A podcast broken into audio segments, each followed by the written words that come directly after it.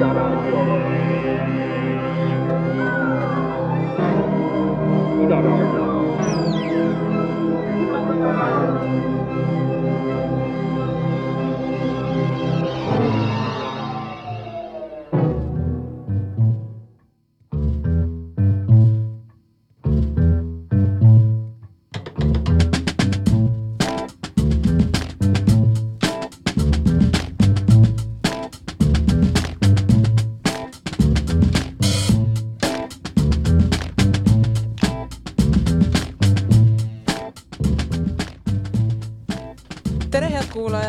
alanud on taskuringhäälingu saade Ära kaaguta.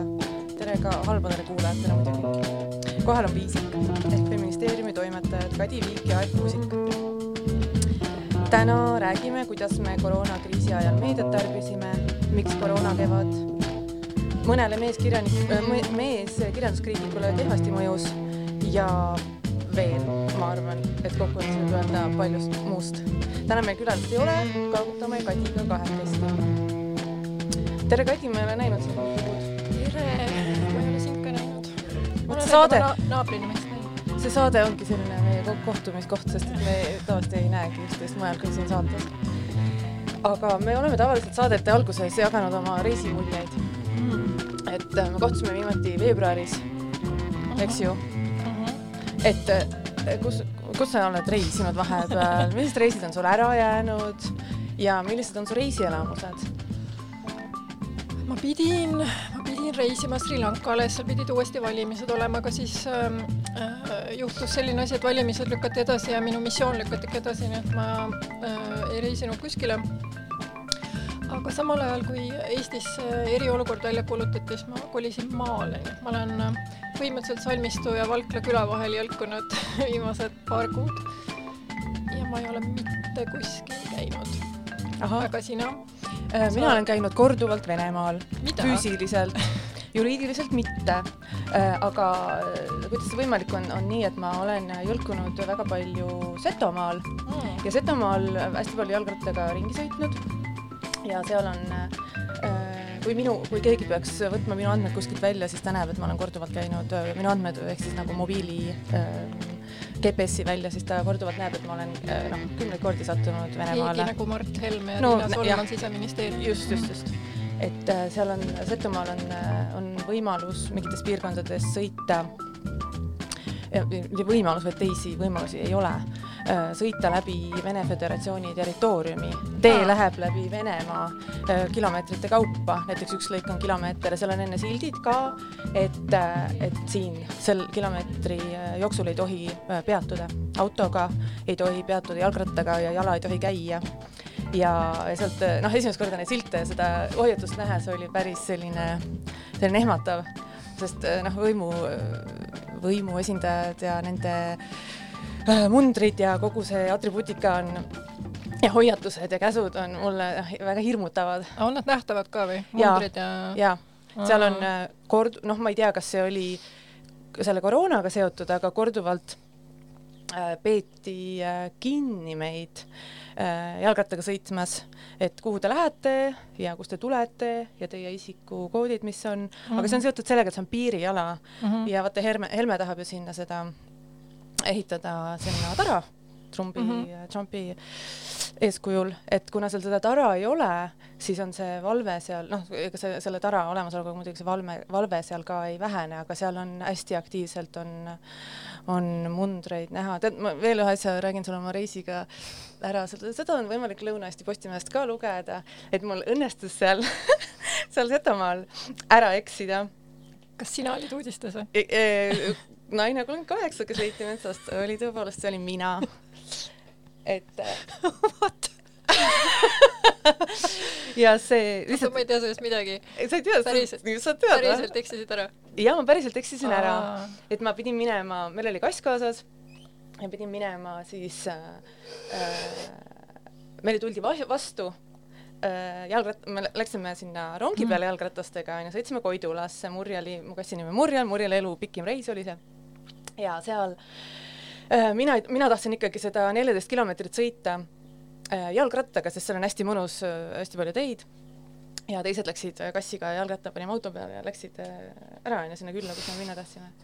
ja ma sõitsin kõik oli lihtsalt fantastiline, pildistasin seal mingeid taime chat, taimi ja chattisin sõpradega ja siis mu telefon sai tühjaks ootamatult, sellepärast et ta oli mul lenkstangi peale nagu paig-, paigutatud ja see pidev see, äh, see selline vibratsioon ja see liikumine ja noh, see ka, et ma seal ikka kasutasin seda GPS-i ta sai täiesti nagu ootamatult tühjaks mul keset metsa ja seal on hästi palju teid, seal on, seal on tohutud alad, seal on väga-väga palju teid ja ma jõudsin oma kaaslasele saata selle sõnumi, et ma ei, noh, ma ei, ma, mul tuleb telefon tühjaks ja ma olen siin.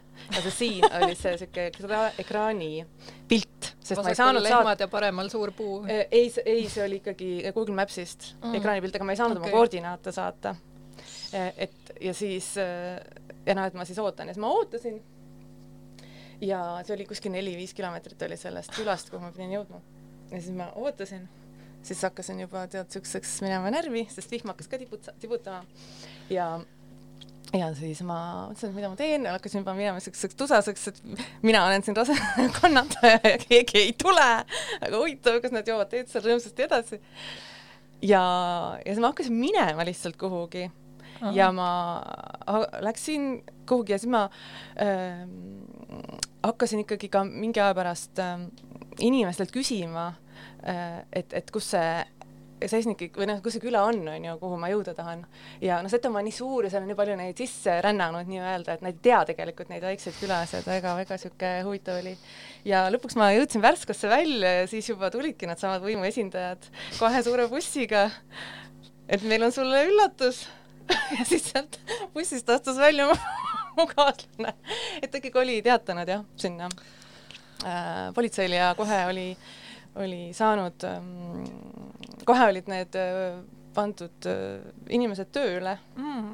ja, ja noh, oli, oli igasuguseid tundeid valdas mind sellega seoses, kõige rohkem muidugi see, et kas ma, näed, kas see oli nüüd otstarbekas kasutamine. Äh, aga nende no,, nende riigi, riigi, riigi, niigi napist riigieelarvest just, aga mulle nagu korduvalt öeldi, et need poisid, kes said korra tead seal pika aja tagant drooni välja võtta ja koera kuskil jälgi ajama panna ja, ja selle ATV-ga sõita, et nad kõik olid nagu more than happy. Ja sina kõik pakkusid seda see on tõesti põnev elu olnud, issand. ma, ma ei oska kohe midagi selle vastu öelda aga mis puudutab nagu selle minu kogemuse seost mingisuguse soolise kogemusega, seda ma tundsin ka seal, seal ähm, noh, soolise kogemusega, ka, ka sellega näiteks, et mina nagu enne sõidan kümme kilomeetrit kui ma peatan võõra auto ja hakkan temaga suht- mm., nende inimestega suhtlema. ja siis, kui ma seal metsas olin, siis seal noh, ma juba tõesti olin juba päris nagu tüdinenud sellest, sellest asjast, sest seal on tõesti pikad metsateed ja seal on nagu sa ei tee, kui sa küsid kellegi käest nõu ja siis ta ütleb sulle, et pööra esimesest teest vasakule ja need teed on seal nagu kruusateed, siis on niisugused roopad lihtsalt mm. -hmm need on, kõik on teed mm, -hmm. et, et nagu millist valida, et milline on tee nagu mm -hmm. seto nagu teadvuses, et näiteks minu noh, minu jaoks see kaks roobast võib-olla ei ole tee mm, -hmm. aga tema võis mõtta jah, et seal polügooni juurest äh, esimene tee, siis ma, polügoon ja oli Esimese maailmasõja ajal või võib-olla siin, aga no ma ei tea, onju. et, et mind võeti nagu võrdsena selles mõttes, et selgitati mulle kohalikus slängis seda asja. aga, aga äh, metsa. In distress seal äh, Setomaal. tead, ma olin päris pahane ikka pärast, et, et mulle see kutsus, tegelikult ma oleks kohale jõudnud no sest kui see, kui ma sinna Värska juba jõudsin, siis sealt ju noh, see, see on see koht, kus päriselt sildid on ja asjad, sest muidu seal metsa vahel ei ole mingeid silte. aga jaa, mis ma tahtsin öelda, et ma olin juba päris sihuke pahane ja nii edasi ja siis äh,, siis ma ikkagi tahtsin kellegi käest seda äh, küsida seda teed. Ja siis ma hakkasin jõudma mingite inimesteni, sest noh, ma olin kellegi käest teed küsinud, siis ma mõtlesin, et äkki ma olen vahepeal jälle ära eksinud ja siis ma nägin mingid tüübid olid seal äh,, kaks tüüpi. Sellise suure metsa, metsamehe džiibiga ja siis kellelgi oli, noh, need rätikad olid peas ja umbes, noh, ma võisin seda ka ette kujutada, aga kujutasin ette mingit face tattoo'd onju, et tal mm -hmm. tõesti oli näo peal oli suur nagu tätoveering, see võis, ta võis ka näost tahmane olla, mida iganes mm. -hmm. ja siis ma panin nagu kohe nagu äh, jalgrattale hääled juurde, tere ja mööda, lihtsalt nagu ma ei, noh, et lihtsalt ma ei taha lihtsalt, et sa teed selle valiku, kas ma nagu sõidan edasi veel ja olen eksinud või siis ma hakkan rääkima mingite ära. inimestega, keda, kes tekitavad nagu mul mitte hirmu, vaid seda reaktsiooni mm. -hmm. aga mis sa muidu tegid karantiini ajal? tead, ma kujundasin välja mingisuguse oma rutiini, et ma tegin väga palju ikkagi, sain oma tööd teha, mida ma olin et, mm -hmm. edasi lükanud, sest mul äh, sellised äh, äh, noh, näiteks raamatu toimetamine vajab ikkagi sellist rahu ka meeleolu, et see ei ole selline mida saab õhtul mingi, igal õhtul võtad seal mingi paar tundi ja teed, et tahab sellist süvenemist väga saada, et ma tegin neid asju, mis mul olid jäänud ripakile. et neid oli teha, hea aeg oli teha seda mm. -hmm. aga vahepeal näiteks alguses ja seal kesk, jah, mingid hetked, need meeleolud, kus sai süveneda ja kus ei saanud, et need olid, need ka vaheldusid väga mm. -hmm. et, et ikkagi seal kuskil aprillikuus oli küll väga äh, ebamugav oli olla, sest üldse ei tea, noh, see, see Äh, eriolukorra lõpp tundus nagu nii kaugel, et kauem me siis nagu oleme selles veidras situatsioonis ja mis ikkagi saab ja tegelikult see ei ole ju lõppenud mm. -hmm. et see tundub praegu, et see on lõppenud, aga ma ei, noh, endiselt see majandus, võib-olla pärast saame sinu kui majandusinimesega sellest rohkem rääkida, et mida see tähendab üldse see, et see ei ole läbi, et see, me alles nagu saame, võib-olla see haiguse oleme suutnud seljatada mõneks ajaks, aga mida see üldse kaasa toob, et see endiselt see ebamugavustunne on. Mul oli ka alguses ärevuse hästi lakke. Äh, samas see oli kuidagi huvitav aeg, et äh, ma ütlen, et inimesele, kes muidu ka kannatab ärevushäire all, siis äh, tundus nagu, et lõpuks ometi on mul legitiimne põhjus olla veidi ärevil. et, et kuidagi tundsin ennast normaalsena. aga mind aitas ikka rutiinid õudselt, et et ma hästi ruttu libisesin mingisugusesse päevarütmi, et ma käisin hästi palju väljas, no ma ütlen, mul oli see meeletu rõõm, et ma sain maal olla, et ma nagunii tahan seal olla kogu aeg, ma ei taha Tallinnas olla. Ja põhjus, miks ma Tallinnas olen, on see, et mul on üks laps, kes käib koolis. nii et kohe, kui koolid kinni pandi ja koduõppele saadeti, siis mul oli siuke juhuu nii ma pakin oma asjad kokku ja lähen. ja ma ei olegi sealt põhimõtteliselt nina välja pistnud kõik sellel ajal Äh, nii et jah, mul tekkisid ka sellised äh, ma ei tea, metsas kondamine ja töötamine ja, ja siis vedelemine, ma olen hästi palju tühja passinud. Et selles mõttes on see huvitav, et äh, ma olen mingi kümme aastat vaeva näinud, et oma elu aeglustada, sest mul noh, mul on mingi ajalugu läbipõlemisega ja siis ma olen tahtnud teadlikult töökoormust vähendada ja mitte kontoritööl käia, ma olen tegelikult hästi pikalt kaugtööd teinud juba ja kodus töötanud aga see kõik ikkagi, see aeglustamine sai minu meelest võimalikuks sellepärast, et mitte, et mina aeglustasin, vaid seepärast kõik muu aeglustus. mul lihtsalt mitte midagi ei tulnud sisse, mul ei tulnud kirju, kõik mingid üritused jäid ära, mingid uusi tööpakkumisi, mingeid päringuid ei tulnud, tule esine, tule räägi meile, kirjuta meile, mitte midagi ei olnud, lihtsalt ei olnudki midagi. siis ma avastasin äh, päevas pikki hetki, mida mul ta-, tõesti päriselt tava, tavaelus ei ole, ma lihtsalt vahtisin aknast välja mingit lindu ja, ja siis vahtisin lumehelb, no vahepeal sajas mingit lörtsi värki, siis vahtisin neid tükk aega ja siis lihtsalt nagu vahtisin lage, mingit laepragu ja et see on, see oli hea tegelikult. et mul selles mõttes on, on väga hea aeg olnud aga see ongi nii raske kõik, sest kõik need jutud, et, et umbes viirus ei diskrimineeri ja me oleme kõik siin, istume ühes paadis ja nüüd aa jee, me istume ühes paadis et, et mõned nagu mina vedelevad kuskil maal ja on täiega õnnelikud ja siis teised ma ei tea, ma lihtsalt mõtlen, et kui mul näiteks teine laps oleks veel koolis käinud ja ta oleks koduõppele saadetud, siis ma ei tea, mida ma teinud oleks, sest ta oli nagu hästi, see oli hästi-hästi raske aeg, kui ta koolis käis mm. ja, ja ta käis koolis.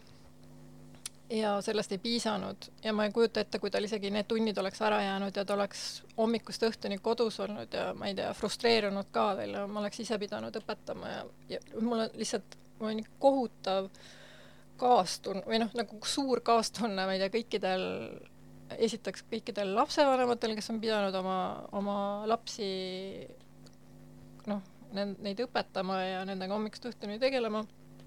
mõtlen ka lasteaiad, mis olid lahti, et äh, Gea Kangilaski, kes on Tartus abilinnapea, ütles, et mingi kas neli protsenti, kolm-neli protsenti oli lasteaiakohtades kasutuses näiteks aprillikuus, kõik ülejäänud lapsed lihtsalt võeti ära et see on ikka väga karm koormus. no paljudel nendel, kes pidid tööl edasi käima äh,, neil olid lapsed kodus lihtsalt ja nad olid oma pea, et, et sul no, tekib nagu see stress veel, ka sellest, et mida nad seal teevad ja nad väiksed, noh, lasteaiaealised umbes ja nii, aga no nagu viirus ei äh, diskrimineeri, no vabandage, nagu ei, lihtsalt ei, väike mõte, ei. et äh, ei lugesin äh, eile New Yorgi linna kohta statisti-, noh, New York on ju üks, üks väga raskesti äh, kannatanud linn no üldse, et USA-s on väga palju juhtumeid olnud ja, ja New Yorgis üksi on üle kahekümne tuhande surmajuhtumi olnud juba. ja kuna see on mu lemmiklinn, ma olen seal hästi palju olnud ja reisinud ja, ja nii edasi, siis need linnajaod on ka niimoodi enam-vähem tuttavad, siis ma vaatasin linnajagude kaupa, et kuidas see haigestumus seal näeb välja ja noh, see on, see on nii õudne, kuidas see täpselt jälgib mingisuguseid sissetulekupiire ja mingeid etnilisi piire siis ma lugesin, et Upper, Upper East Side, mis on niisugune jõukate piirkond et, et nelikümmend protsenti inimestest olid lahkunud oma kodudest, neil olid teised kodud, kuhu minna. Ja siis ähm,, mis see Washington Heights või mis seal Harlemi ülal on, et äh, kus on no latiinode piirkond, et seal ühes majas suri sada inimest ära näiteks, ühes ainsas majas. ja see noh, seesama klassi küsimus on ju see vanus ka, et mm. kui see viirus ähm, äh, noh, räägitakse, et ta tabab vanem, vanemaealistele on ohuks, siis ta mm -hmm. nagu madalamatest klassidest või sotsiaalselt kindlustamata inimeste äh,, inimestele mõjub ta nooremas eas juba, et see ohustatud iga hakkab mingi viiekümne viiest, sest et nende tervis on äh, nagu relatiivselt halvem mm, -hmm. äh, sellepärast et nad ei ole võib-olla noh, ligipääs tervishoiule ja ravimitele ja toidule ja kõik see ju mõjutab seda immuunsussüsteemi, et et mingid noh, sellised asjad lihtsalt mõjutavad väga palju inimesi jah, seal on jah nii palju aspekte, mõtlen ühest küljest see, ütleme, see sissetulek ja sinu olmetingimused, noh, seesama, et kas sul on mingi teine, kas sul on maakodu, kuhu minna või sa elad, eks ju, mitu generatsiooni väikesel pinnal ja mitu inimest ühes toas, nagu sealsamas Washington Heightsis. Kas, kas, kas sa oled nagu see, kes on uh, isoleerunud uh, või sa oled see kuller, kes hommikust õhtuni kullerdab kas äh, jah, ma ei tea, kas sa oled seal haiglatöötaja selles olukorras või, või sa oled mingisugune idufirma nagu koodipanija, kes võib istuda ükskõik kus. siis ma mõtlen ka üksinduse peale, ma vahepeal olin päris üksi, mu kaaslane sõitis ära ja et see oli väga teistmoodi tunne olla nagu täiesti üksi. et ma küll pean ütlema, et äh, pärast noh, ma suht ruttu leidsin ka selles rõõmu, aga ma saan aru, et see on midagi nagu väga muud, kui sa oled nagu päriselt, päriselt väga üksi ja siis sa ei saagi enam suhelda, ma mõtlen, mul on tuttavaid, kes elavad, sõpru, kes elavad teistes riikides, kus on päriselt ka nii, et et sa ei tohi ka õues käia, et sa ei tohi, noh, et politsei tulebki, küsib, mis sa teed, kuhu lähed, okei okay,, kõrvale poodi tohid minna, aga kaugemale ei tohi, tehakse trahvi, värki. või siis näiteks mu ema, kes noh, elab Rootsis, mina olen kaugel, mu õde-vend on küll seal, aga et ühesõnaga ja see noh, ta on vanem, eks ju, ja see epidemioloogiline olukord Stockholmis oli väga halb, nii et tal oli jälle omad riskid väljaminekuga. et, et see üksindus ja siis need teised, kes, kes ei ole võib-olla sekundit ka üksi, kuigi nad tahaksid, sest neil on liiga palju inimesi liiga väiksel pinnal korraga kakskümmend neli seitse koos, kes, kes ei tee noh, oma tavapäraseid asju, ma ei tea, ei lähe tööle või lasteaeda, kooli, et aga samas mingisuguseid ähm, selliseid äh, äh, uuenduslikke algatusi ka tegid inimesed selle uue olukorraga, kes kiiresti kohanesid, näiteks mingid perekonnad äh, kuskil äh, Viinis kolisid suurt, noh, seal on suured korterid, Eestis mm -hmm. ei ole neid suuri mm -hmm. kortereid. ma olen käinud ühes sellises äh,. ma ei tea, seitse, seitse tuba, millest viis on magamistoad. et kaks lastega peret kolivad sinna suurde mingisugusesse äh, korterisse kokku, et siis on kohe palju äh, noh, seda üks, üksindust on siis lihtsam mm -hmm. taluda, seda oma mm -hmm. mingisuguses äh, ringis olemist ja, ja võib-olla nende laste kantseldamist ja mingite oma asjade tegemist. et sellised asjad on ise, iseenesest oli neid tore, tore kuulda ja lugeda, muidugi seal tekivad loomulikult uued, uued küsimused ja uued probleemid, aga lihtsalt see katsetamise efekt, kellel see oli võimalik äh,, seda oli, jah, neid oli, neid asju oli nagu ka mm. -hmm. jah, ma mõtlengi, et kuidas sellesse suhtuda, siis kui ma ütlen, mina, mina sain elada oma unistuste elu, mul oli lihtsalt nii hea kõik see aeg ja siis ümberringi nii halb, et mida siis selle teadmisega nagu peale hakata, et et ma ise mõtisklesin ka päris palju selle üle ja lõpuks jõudsingi umbes selleni, et noh, raske midagi teha muud kui lihtsalt olla nagu sigatänulik, et, et et sul on hästi ja olla teadlik sellest, et noh, et kuidagi mitte arvata, et kõik elavad samasugust elu ja ikkagi, ma ei tea, proovida ammutada mingit energiat, midagi muuta. nojah, see mm. iga inimese privileegi tunda enda veel mõtestada, kuidas ta neid kasutada saab ja tahab. kas me mängime lugu? jaa, oota, sinu lugu on, mis see on? ma mängin Malibu Miichi, tal on lihtsalt äh, parim hääl. Ahah, juba mängid või? sina paned Mally. Mally.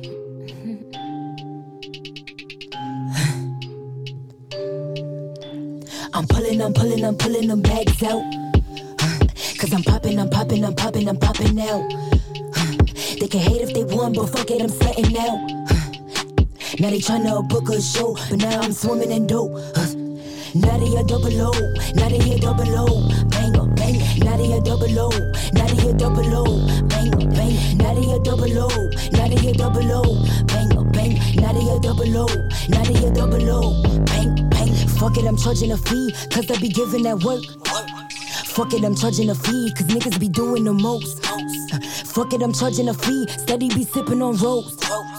Fuck it, I'm charging a fee, cause bitch, I do what I want. Cause Melly be booking them shows, steady be dumbing that shows. Cause Melly be all on the scene, that's why they fleeing the scene. Cause Melly be selling out shows, that's why they feeling the sea. Cause Melly just naturally popping, that's why they feeling the beat. Said he be counting them blessings. Look how I'm flexing. Neck rocky, look at them dancing. Body in verses, send that through cash up. I need my money, send on the fast track. Sending out stuff, little bitch, I look past that. You said he slipping, but I'm never lacking. Body and bitches, they said he be chatting. Catching one foot out, he swerving in traffic. I'm pulling, I'm pulling, I'm pulling them bags out. Pulling them bags out. Cause I'm popping, I'm popping, I'm popping, I'm popping now. I'm. They can hate if they want, but fuck it, I'm stunting now. Fuck it, I'm stunting. They tryna book a show, but now I'm swimming in dope. Swimming in dope. Now they a double O. Now they a double O. Bang, bang. Now they a double O. Now they a double O. Bang, bang. Now they a double O. Now they a double O. Bang, bang. Now they a double O. Now they a double O. Bang, bang. Line them up all in a row. I bet you I beat them. I got my haters all running up, begging to feed them. Cause Mally be showing out, they feeling to see ya. And Mally be coming up, they feeling a beer. Louis the bag, dipping the sacks. Bitch, I be charging a fee. I'm getting a bag in my sleep, I'll be doubling up all cause I'm bodying beats. All cause I'm jumping that heat, dropping that heat, dropping that heat like a sun. Bad little bitty, running her city. Diamonds dance, then they doing the running man. Straight to the bank, got me doing the money deal. Bad little bitch got no hoot in the hollering. Out and about when they pointing and following. Haters be on me, but they be a dog. Haters be on me, but they get no love. Cause I'm in the bowling, I'm in the scoring. I'm in the pulling, I'm whipping them forward. They in the chatting while I'm out touring. I'm pulling, I'm pulling, I'm pulling them bags out. Uh, Cause I'm popping, I'm popping, I'm popping, I'm popping now. Uh, they can hate if they want, but fuck it, I'm setting now. Now they tryna book a show, but now I'm swimming in dope. Uh, now they a double O, now they a double O, bang bang. Now they a double O, now they a double O, bang bang. Now they a double O, now they a double O, bang bang. Now they a double O, now they a double O, bang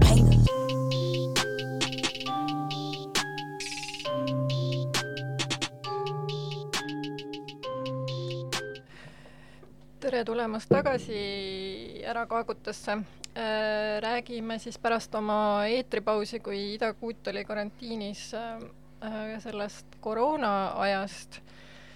ja mina olen mõelnud, et alguses mulle tundus, et tekkis selline hästi suur solidaarsuse puhang kuidagi, et väga, mitte ainult Eestis, vaid mujal ka, et kuidagi väga elati kaasa tervishoiutöötajatele ja ja no üldse ütleme nendele, kes äh, äh, niinimetatud eesliinil siis pidid rabama. ja mul on mure, et see kaob ära, no ma mõtlen eriti Eesti peale, mis on niimoodi võrdlemisi hästi sellest välja tulnud, et äh, mis puudutab haigestumust ja suremust võrreldes mõne teise riigiga. Et, äh, et tegelikult ma arvan, nagu noh, sa enne viitasid majandusele, et need äh, mingid sellised suured järellainetused hakkavad alles tulema, et majandusmõjud saavad, noh, need on juba praegu väga suured, et lihtsalt nad ei ole võib-olla iga inimese ellu jõudnud, aga küll, küll nad jõuavad, et selles pole küsimust. et nii õudselt tahaks, et see solidaarsus ei, ei kaoks ära, et tekib jälle selline mina, mina, mina. Aga kuidas sinu arvates Eesti valitsus kriisiga hakkama sai, kas sa tundsid äh, ennast kindla käe all, äh, et sind, et juhitakse, otsustatakse jõuliselt, karmilt? aet näeb välja, nagu tal tuleks okse suhu mm. tead, ma selle kriisi ajal jälgisin meediat küll päris korralikult, ma küll ei jälginud seda niimoodi päeva jooksul, aga mul olid mingid kindlad asjad, mida ma vaatasin, mulle tundus, et infot anti päris äh, korralikult ja mm -hmm. hästi, mis on lubatud, mis mitte äh,. aga mulle tundus, et need äh,. palun vabandust, oli minu kell aga mulle tundus, või no vähemalt, vähemalt äh, valitsuse äh, valitsuse liikmed äh, suutsid scroll ida teiste riikide, teiste riikide kogemusi ja sealt ju võeti palju üle, aga noh, mis puudutab kogu seda kobarseadust ja välja läbisurumist mingite uute meetmete, mis ei puutu sellesse kriisi mm, -hmm. et lihtsalt Ungari, noh, see on, no nii, nii äh, äh, need on nii pika mõjuga asjad ja need on lihtsalt nii alatu vastik mm, -hmm. parem populism, mis on see, mil-, mille, mida on see koroonakriis võimaldanud või millest on nagu võetud see võimalus enda jaoks mm. -hmm. mul tekkis üldse hirm kogu selle karmi käe sellise ihaluse järgi, et mm, noh, valitsuse poolt ma ei imesta selle üle, aga, aga minu, mulle tundus, et päris paljud inimesed ihkasid seda kuidagi, et tahavadki selliseid jõuliseid samme ja tulebki kõik kinni panna ja kõik tuleb kinni panna, sest et nüüd on nagu selline olukord, et ähm, noh, see näiteks ma sama, et ma nägin äh, nõudmise, et kõik lasteaiad tuleb kinni panna. E, aga samas nagu haiglad võiksid lahti olla, eks ju, et kus siis nende haiglatöötajate lapsed peaksid olema sellel ajal, kui nad öövahetusi päevavahetusi teevad, et mis noh, et mis see nagu, võiks nagu paar sammu edasi mõelda. et äkki ei ole vaja nagu tankidega tulla kinni panema tervet ühiskonda, vaid ikkagi läheneda kuidagi paindlikult. aga noh, see, see, mille, mida siin, millele sa juba siin osutasid, et see niisugune varjamatu ksenofoobia ja nüüd selle seadustamine, et see on ikka väga õudne olnud ja kogu see välismaalaste trall, ta on, praegu tundub, et on nagu igal rind, ma ei tea, iga võimalus, mis vähegi on, seda nagu piirata, seda kasutatakse, nüüd viimati siis maasikakasvatajate kontekstis. Ja, ja see on minu arust ka selline hästi õudust tekitav äh, nagu nähtus, mida ma olen varem ka selle valitsuse puhul näinud, aga et et kui, kui sind tullakse kritiseerima võimuesindajana, nagu siis mõned maasikakasvatajad tegid, et siis sa nagu vastuseks sa mitte ainult ei ähvarda neid, vaid sa näiteks ministrina ütledki, et nüüd ma saadan sulle Maksuameti peale, et mul on järgmine nädal, mul on kohtumine Maksuameti peadirektoriga ja mina olen käinud vaatamas teie maksudeklaratsioone ja nüüd, nüüd tuleb. et see on, see on nii võigas. see on selles mõttes, et ma ei tea, noh, kas ta midagi uut, et kas ta on niisugune poliitrepressioon nagu vist, mida vist Eesti on kunagi kogenud olles okupeeritud, aga ta on nii võigas ja nii rõve ja ma ei saa aru, et nagu rohkem seakisa ei ole selliste asjade üle, et et kuidagi on see noh, et nad halvustavad jälle või kritiseerivad maasikakasvatajaid või, või siis ma ei tea, feministe või välismaalasi või keda iganes, aga asi ei ole nagu selles halvustamises, kritiseerimises ainult, vaid selles, et see ikkagi et kui keegi on sinu poliitiline oponent või kritiseerib sind, et sa nii-öelda, et sul on võim nii pähe hakanud, sa arvad ministrina, et sa oled jumal ja sa hakkad üksikjuhtumitega siis tegelema, just niimoodi represseerima, nagu karistama. et ma ei tea, see on nii või ja ma mõtlen ka, et, et see praegune valitsus ei ole sellest Mart Järviku juhtumist nagu mitte midagi õppinud, et minister lendas sellepärast, et ta nii-öelda tegeles üksikjuhtumitega, mingite üksikute ettevõtete huvide eest, seisis teiste vastu, et äh, noh, demokraatlik ühiskond ei ole selline, kus minister istub oma kabinetis ja otsustab, et mina otsustan, et täna nagu ma Tallinkit toetan ja ma ei tea, teise ettevõtte saadan põhja ja sellele saadan nagu Maksuameti peale. et nad on millestki jube valesti aru saanud, kui nad valitsemist sellisena näevad ja mul on nii kohutavalt kopp ees nendest, kes seda võimaldavad. ehk siis poolest Isamaast ja Keskerakonnast, et ja noh, see teine pool Isamaast vist ise teeb ka midagi sellist. see on lihtsalt nii õudselt masendav. see on.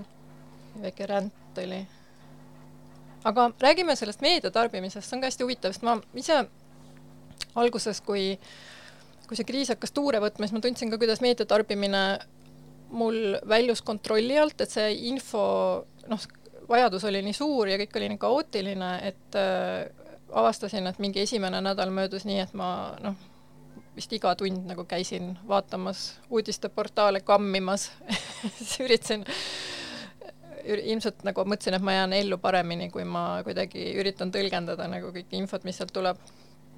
ja siis muidugi tekkis see täielik backlash, et äh, mingi hetk oli niisugune tülgastus, et ma üldse ei suutnud ja siis leidsin mingi rütmi, mis oli päris hea. ja ma olen hästi palju mõelnud selle aja peal ka, aja jooksul, et kuidas selle äh, kuidas nagu meedia tarbimisse suhtuda, sest et noh, see, see impulsiivne reaktsioon ongi see, et umbes, et see teeb haiget, see on vastik, ma lähen, ma tunnen, et ma lähen, eks ju, ärevaks, et ma parem siis ei vaata, et ma panen kinni lihtsalt. aga et sellel on ju nagu teistsugused negatiivsed mõjud, et kui sa tahad, ma ei tea, et midagi paremaks läheks ühiskonnas ja võib-olla ka su enda elus, siis sul on ju teatud nagu kohustus ja mõte olla informeeritud ja teada, mis juhtub ühiskonnas, et mingisugune selline informeerituse aste on ikkagi vajalik ja, ja see on ka vajalik selleks, et sa võib-olla leiaksid üles need teised inimesed, kes noh, arvavad, et midagi peaks teistmoodi tegema. et ma ise sattusin kuulama ühte podcast'i, mis äh, mis äh, oli väga hea sellel teemal minu meelest või noh, huvitav, et ta pakkuski seda teist perspektiivi, et miks see informeerituse hoidmine on vajalik, aga, aga et kuidas seda siis teha niimoodi, et et oma meelerahu ei kaotaks. selle nimi on Slow Your Home podcast on, ma olen tegelikult seda hästi pikalt kuulanud, ongi aeglase elu äh, fännidele äh, ja neil oli külas Sarah Wilson, et kui guugeldada Slow Your Home, Sarah Wilson ja Loneliness, äh, siis ma arvan, et selle leiab ülesse. igatahes jah, tema soovitus oli siis see, et valida need äh, noh, esiteks valida see meediakanal, mis sulle sobib, et ei pea, eks ju, kõike jälgima, ei pea niimoodi valimatult jälgima, valida see rütm, mis sulle sobib, et äh, see ei pea isegi iga päev olema, see võib olla harvem aga et tema soovitus oli see, et noh, et see meediakanal võiks olla selline äh, võrdlemisi laiahaardeline, ehk siis äh, mitte väga kallutatud no selles mõttes, et nagu natuke erinevaid perspektiive saaks sealt. ja ma ise, ise lisaks võib-olla enda poolt lihtsalt selle, et minu meelest ka sotsiaalmeedia sellise, ütleme, infokanalina on nagu hästi-hästi halb, et äh, et kui sa tahad teada, mis ühiskonnas toimub, et siis ikkagi pigem nagu vali mingi selline hmm, ütleme siis laiapõhjaline, võimalikult noh, neutraalne on võib-olla halb sõna, aga aga midagi sinnakanti mm. kanal. ja, ja jälgi siis seda mingisuguse noh, regulaarsusega, et jah, mis puutub sellesse erameediasse, siis nende, nende pealkirjad, sealsed pealkirjad on, olid ikka tohutult äh, sensatsioonilised või sellised äh, hiiumärgi rohked ja juba mm -hmm. noh, see surmade arv ja kogu see, et ma, ma seda Delfit ja Postimeest äh, ma üldse ei jälginud, aga meil on mhm. Õhtuleht ka, aga seda mul ei ole harjumust jälgida, kuigi ta ei erine ju kuidagi. aga ma ikkagi, ka ikkagi suhteliselt vähe Äh, vaatasin uudiseid, aga mul oli jah, mingi kindel, kindel äh, harjumus, et ma vaatasin Aktuaalset Kaamerat iga õhtu. Mm -hmm. ja siis Esimest stuudiot. Ja siis mingisuguseid arutelusaateid ka nagu selliseks äh, selliseks äh, noh, need on rohkem siuksed meil, meil noh, need on siuksed ära kaaguta tavaliselt saated, aga nagu Varro ja Ahto räägivad.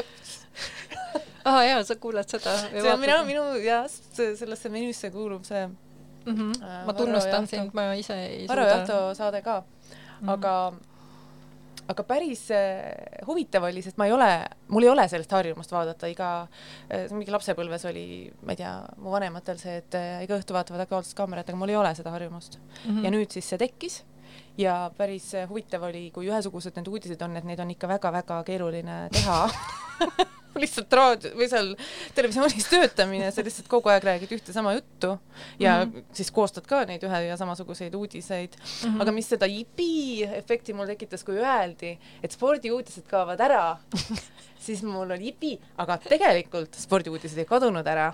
sporti küll ei tehtud, aga spordiuudised, see rubriik ja see spordiuudiste sisselugeja te,, temal ei olnud enam siis tegevust, aga see eh, harilik saatejuht, ma ei tea, kes see on seal, seal äh, tema siis luges mingi nagu teadvustas mingi spordiuudised ka, aga need olid siis sellised, sportlane kuskil treenib ja võib-olla murdis ära midagi või siis tal oli see purjetajate vahendid olid kõik konteineritega kuskil Indoneesias kinni, et, et noh, sellist no, nagu kultuuriuudiseid ei olnud, et, et, et, et, eh, fotoaparaat läks mõnel kunstnikul katki või, või, või mingi lamp kukkus alla, et noh, et sellised kultuuriuudised nagu sama, samasugusest banaalsuse astmest nagu kui spordiuudiseid ikkagi pikiti sinna vahele neid ei olnud, et see oli päris naljakas, sest me ei taha, seal ei ole uh, -huh. või minu jaoks puudub seal Need on nagu ühesugused kurioosumid minu jaoks.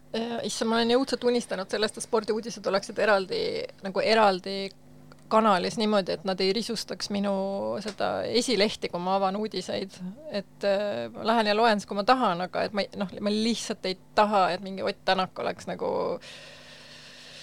jälle ja jälle scroll ima see pool lehte. aga mis veel, mis silma hakkas näiteks, ma lugesin nagu sellise korraarmastaja inimesena, lugesin kõik need äh, koroonaaegsed esimesed stuudiod kokku ja seal mm -hmm. oli nelikümmend saadet, siis olen siiamaani olnud mm, -hmm. kus esines kuus naissoost saatekülalist.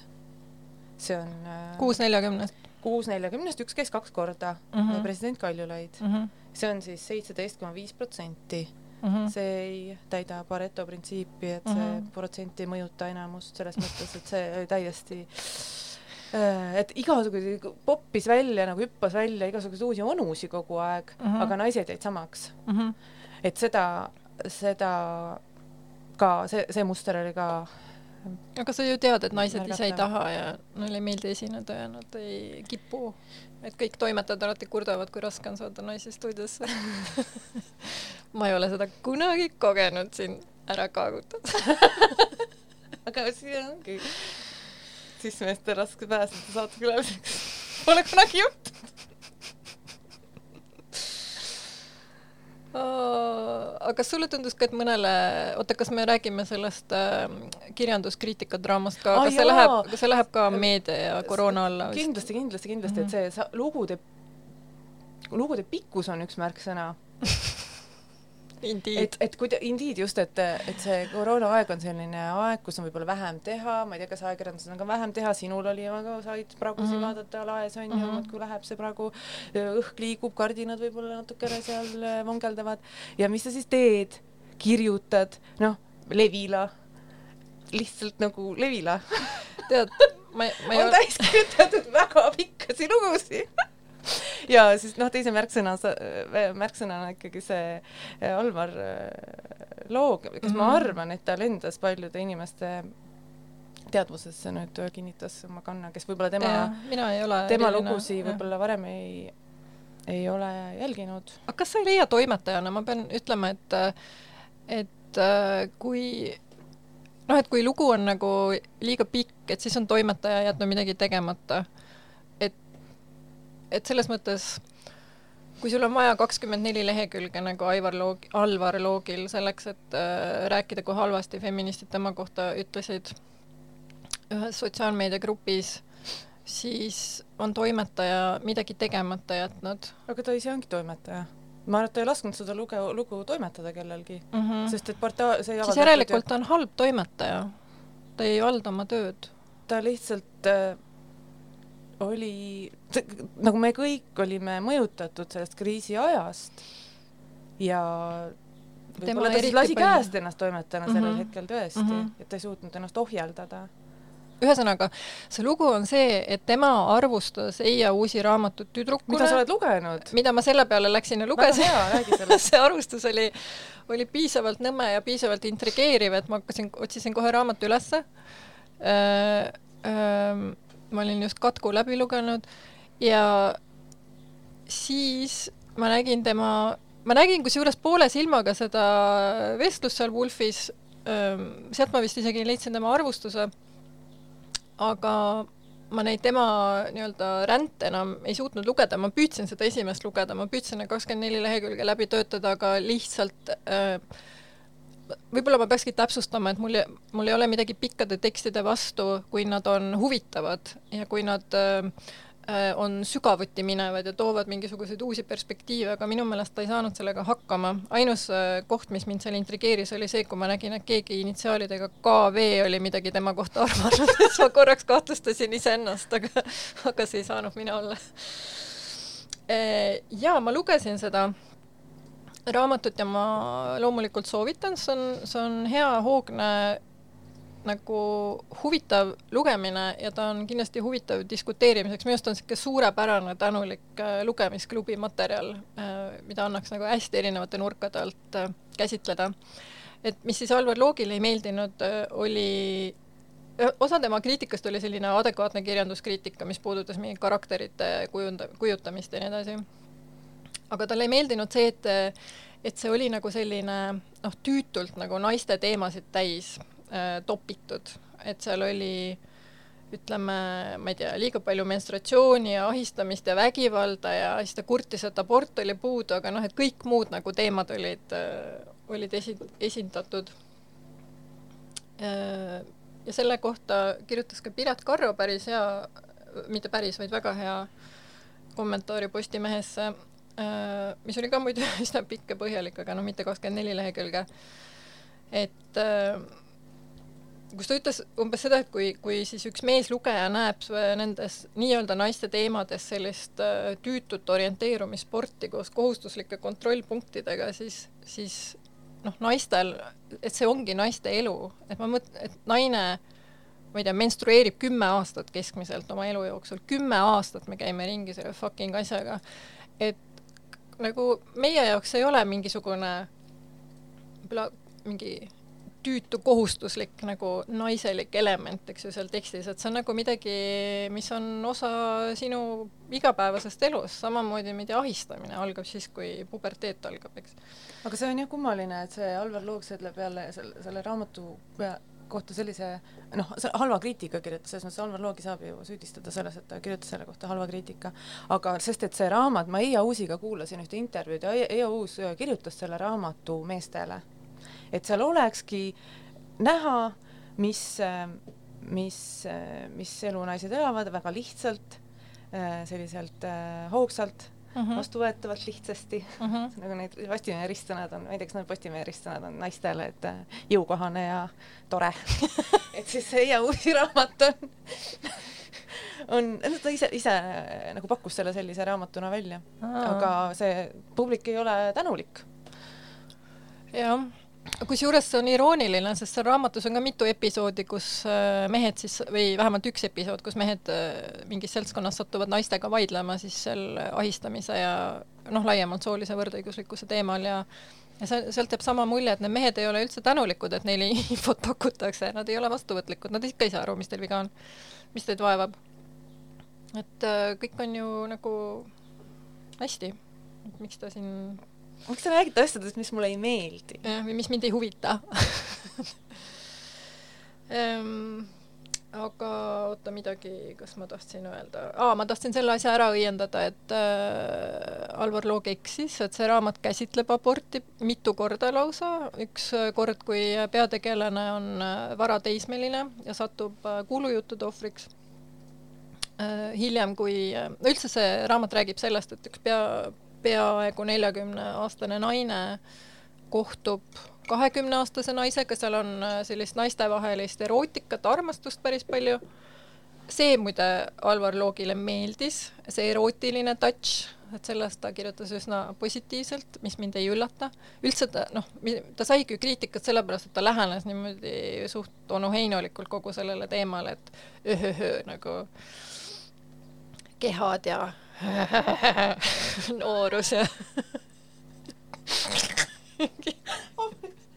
ära kuku aknast välja uh, jah, mul katkuski mõttelõng selle peale.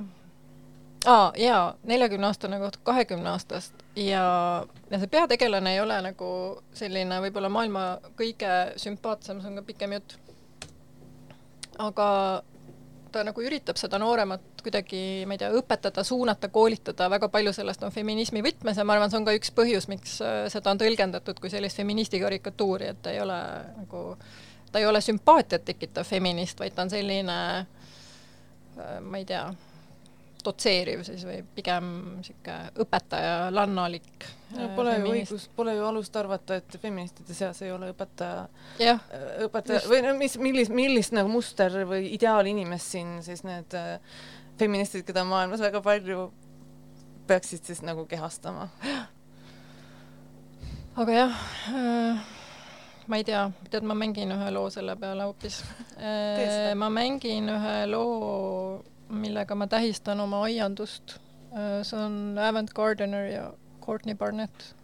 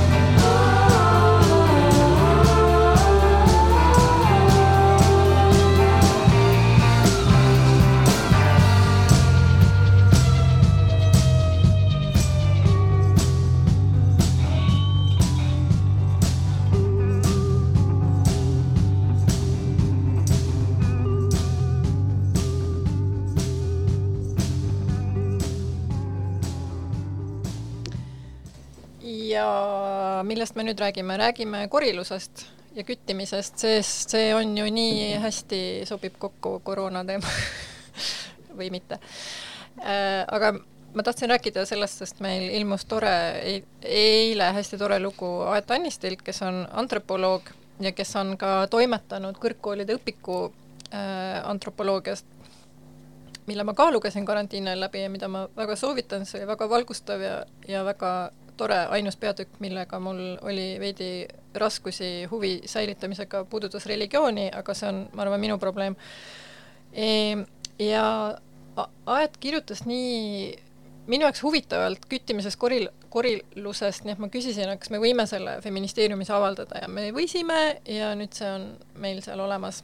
et, et lihtsalt mul on nii kõrini sellest, nendest viidetest sellele, kuidas mehed mammuteid kütivad ja naised jõhvikaid korjavad ja kuidas kogu meie sugude, ma ei tea, tööjaotus ja soorollid ja üldse kogu ühiskondlik kord põhineb sellel, et mehed kütivad mammuteid.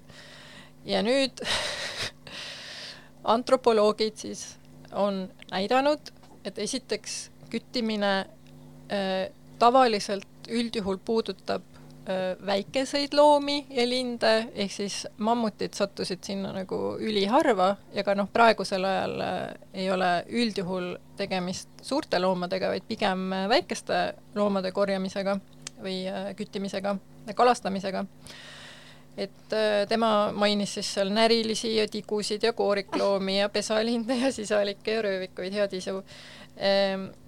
aga teine nagu huvitav asi oli siis see, et äh, küttimine, korilus tavaliselt käivad koos, et need äh, äh, mehed, kes kütivad, tegelevad ühtlasi korilusega ja kuna nende samade väikeste loomade, lindude küttimine jälle nõuab sellist noh, ütleme teatud tehnilist taipu ja mingit püüni, püüniste tegemise oskust ja nii edasi, siis tegelevad sellega ka naised.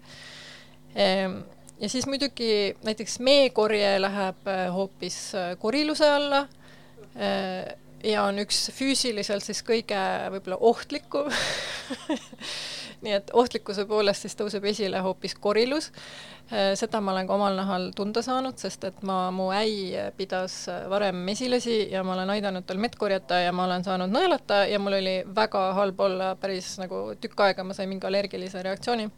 mina olen mesilaste rünnaku tõttu või tähendab, mina tegelikult ründasin mesilasi, ma olin imiksis mm -hmm. või noh, mhm. väike, alles käima hakanud mm, -hmm. mina olen selle tõttu sattunud haiglasse mm. -hmm jaa, ma, ma arvan jah, ma oleks võib-olla pidanud sinna minema, aga jaa ehm,. nii et, et selles mõttes jah, ta, ta väga huvitavalt pöörab pea peale selle idee, et, et kütitakse ainult nagu väga, ma ei tea, suuri loomi ja nad teevad ainult mehed. Ja et sellepärast sobivad siis mehed juhtideks ja naised koristajateks aga teine asi, mida ta kirjutas, mis, mis ka, noh, seda me teame ise ka, et, et tegelikult see küttimine korilus ei ole midagi ainult, mis iidsetel aegadel enne põllumajanduse pealetungi toimus, vaid või millega siis tegelevad mingid metsikud rahvad kuskil kaugetes riikides, et tegelikult sellega tegeletakse ju siiamaani tänapäeval noh, väga erinevates kontekstides. Ja tema näiteks mainib ka seda, et, et tänapäeva prügikorilus võib olla korilus. Äh, või prügi sukeldumine siis õigemini, et, äh, et äh, see võib olla ka liikumine mingi kapitalistliku ühiskonna vastu. üldse, mis hästi kihvt oli, ta tõi välja, need on niisugune need kogukonnad, kes siis elavadki selliste küttide, korilaste kooslustes, et et neid ühendavad sellised jooned nagu näiteks kihistuse puudumine, nad on võrdõiguslikud, omandi puudumine, neil on väga tugev jagamise eetika Äh, kellelgi pole oluliselt rohkem võimu kui teistel, et isegi kui äh, ülesanded erinevad äh, ja et otsuste tegemine kaldub olema selline jagatud ja, ja ka, et inimestel on suur autonoomia tulla ja lahkuda nendest kollektiividest, et see individualismi aste on seal suur, mis kostub ju päris sümpaatne. aga ma tahtsin küsida, et kas sina tegeled korilusega ma Setomaal olles korjasin nurmenukke ja naati ja äh, veel mingisuguseid taimi, mis mul ei tule praegu meelde äh, loodusest mm. -hmm. ja kevadkoogritsaid oli juba väga mm -hmm. palju ja seened on need ja ikka tegelen, selles mõttes mulle ikkagi meeldib see seenel käia väga ja mulle maitsevad väga seened. jaa, mulle ka. et ma see marja, ma olen siuke kõhtukorjaja mm. -hmm. et, et see marjakorv saab nii aeglaselt täis, et mm -hmm. lihtsalt mul sama siin, ma olen see Orissaare seeneline, ma, vanasti ma jooksin panniga lihtsalt ümber maja ja panin sinna. ja nüüd ma olen nagu veidi kaugematele ekspeditsioonidele ka läinud. aga mm, jah, ma. kas sa märgad, et meie saade saab läbi kohe? oi, meie saade saab läbi, oota, me siis ei räägi rohkem kurilusest, igatahes lugege seda artiklit ja lugege raamatut, ma väga soovitan.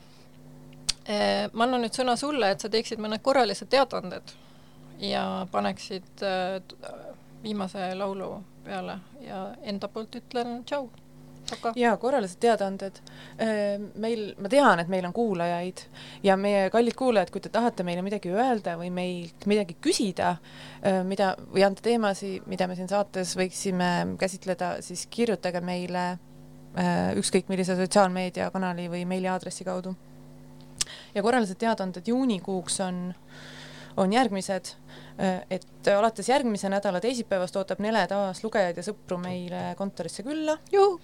Äh, juunis ja augustis oleme avatud teisipäeviti vahemikus kaksteist kuni kaheksateist ja kolmapäeviti vahemikus kuusteist kuni üheksateist. juulikuus oleme puhkusel.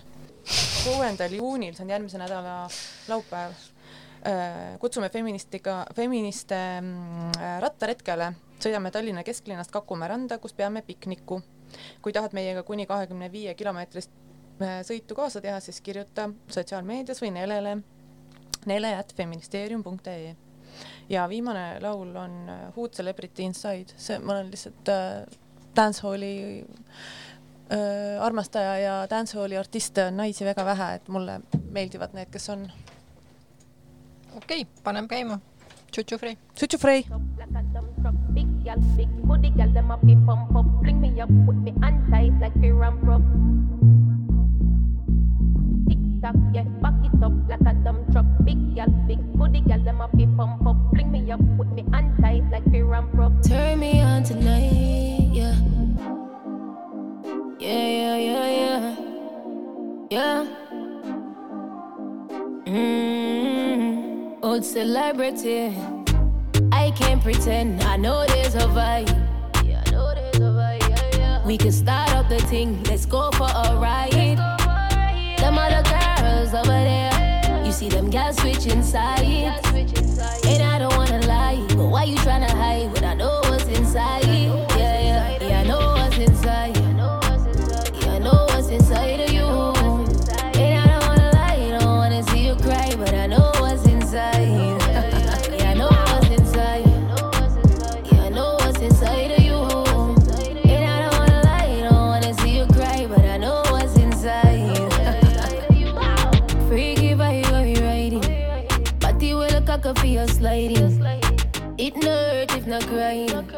Shots make me feel like me dying. Yeah.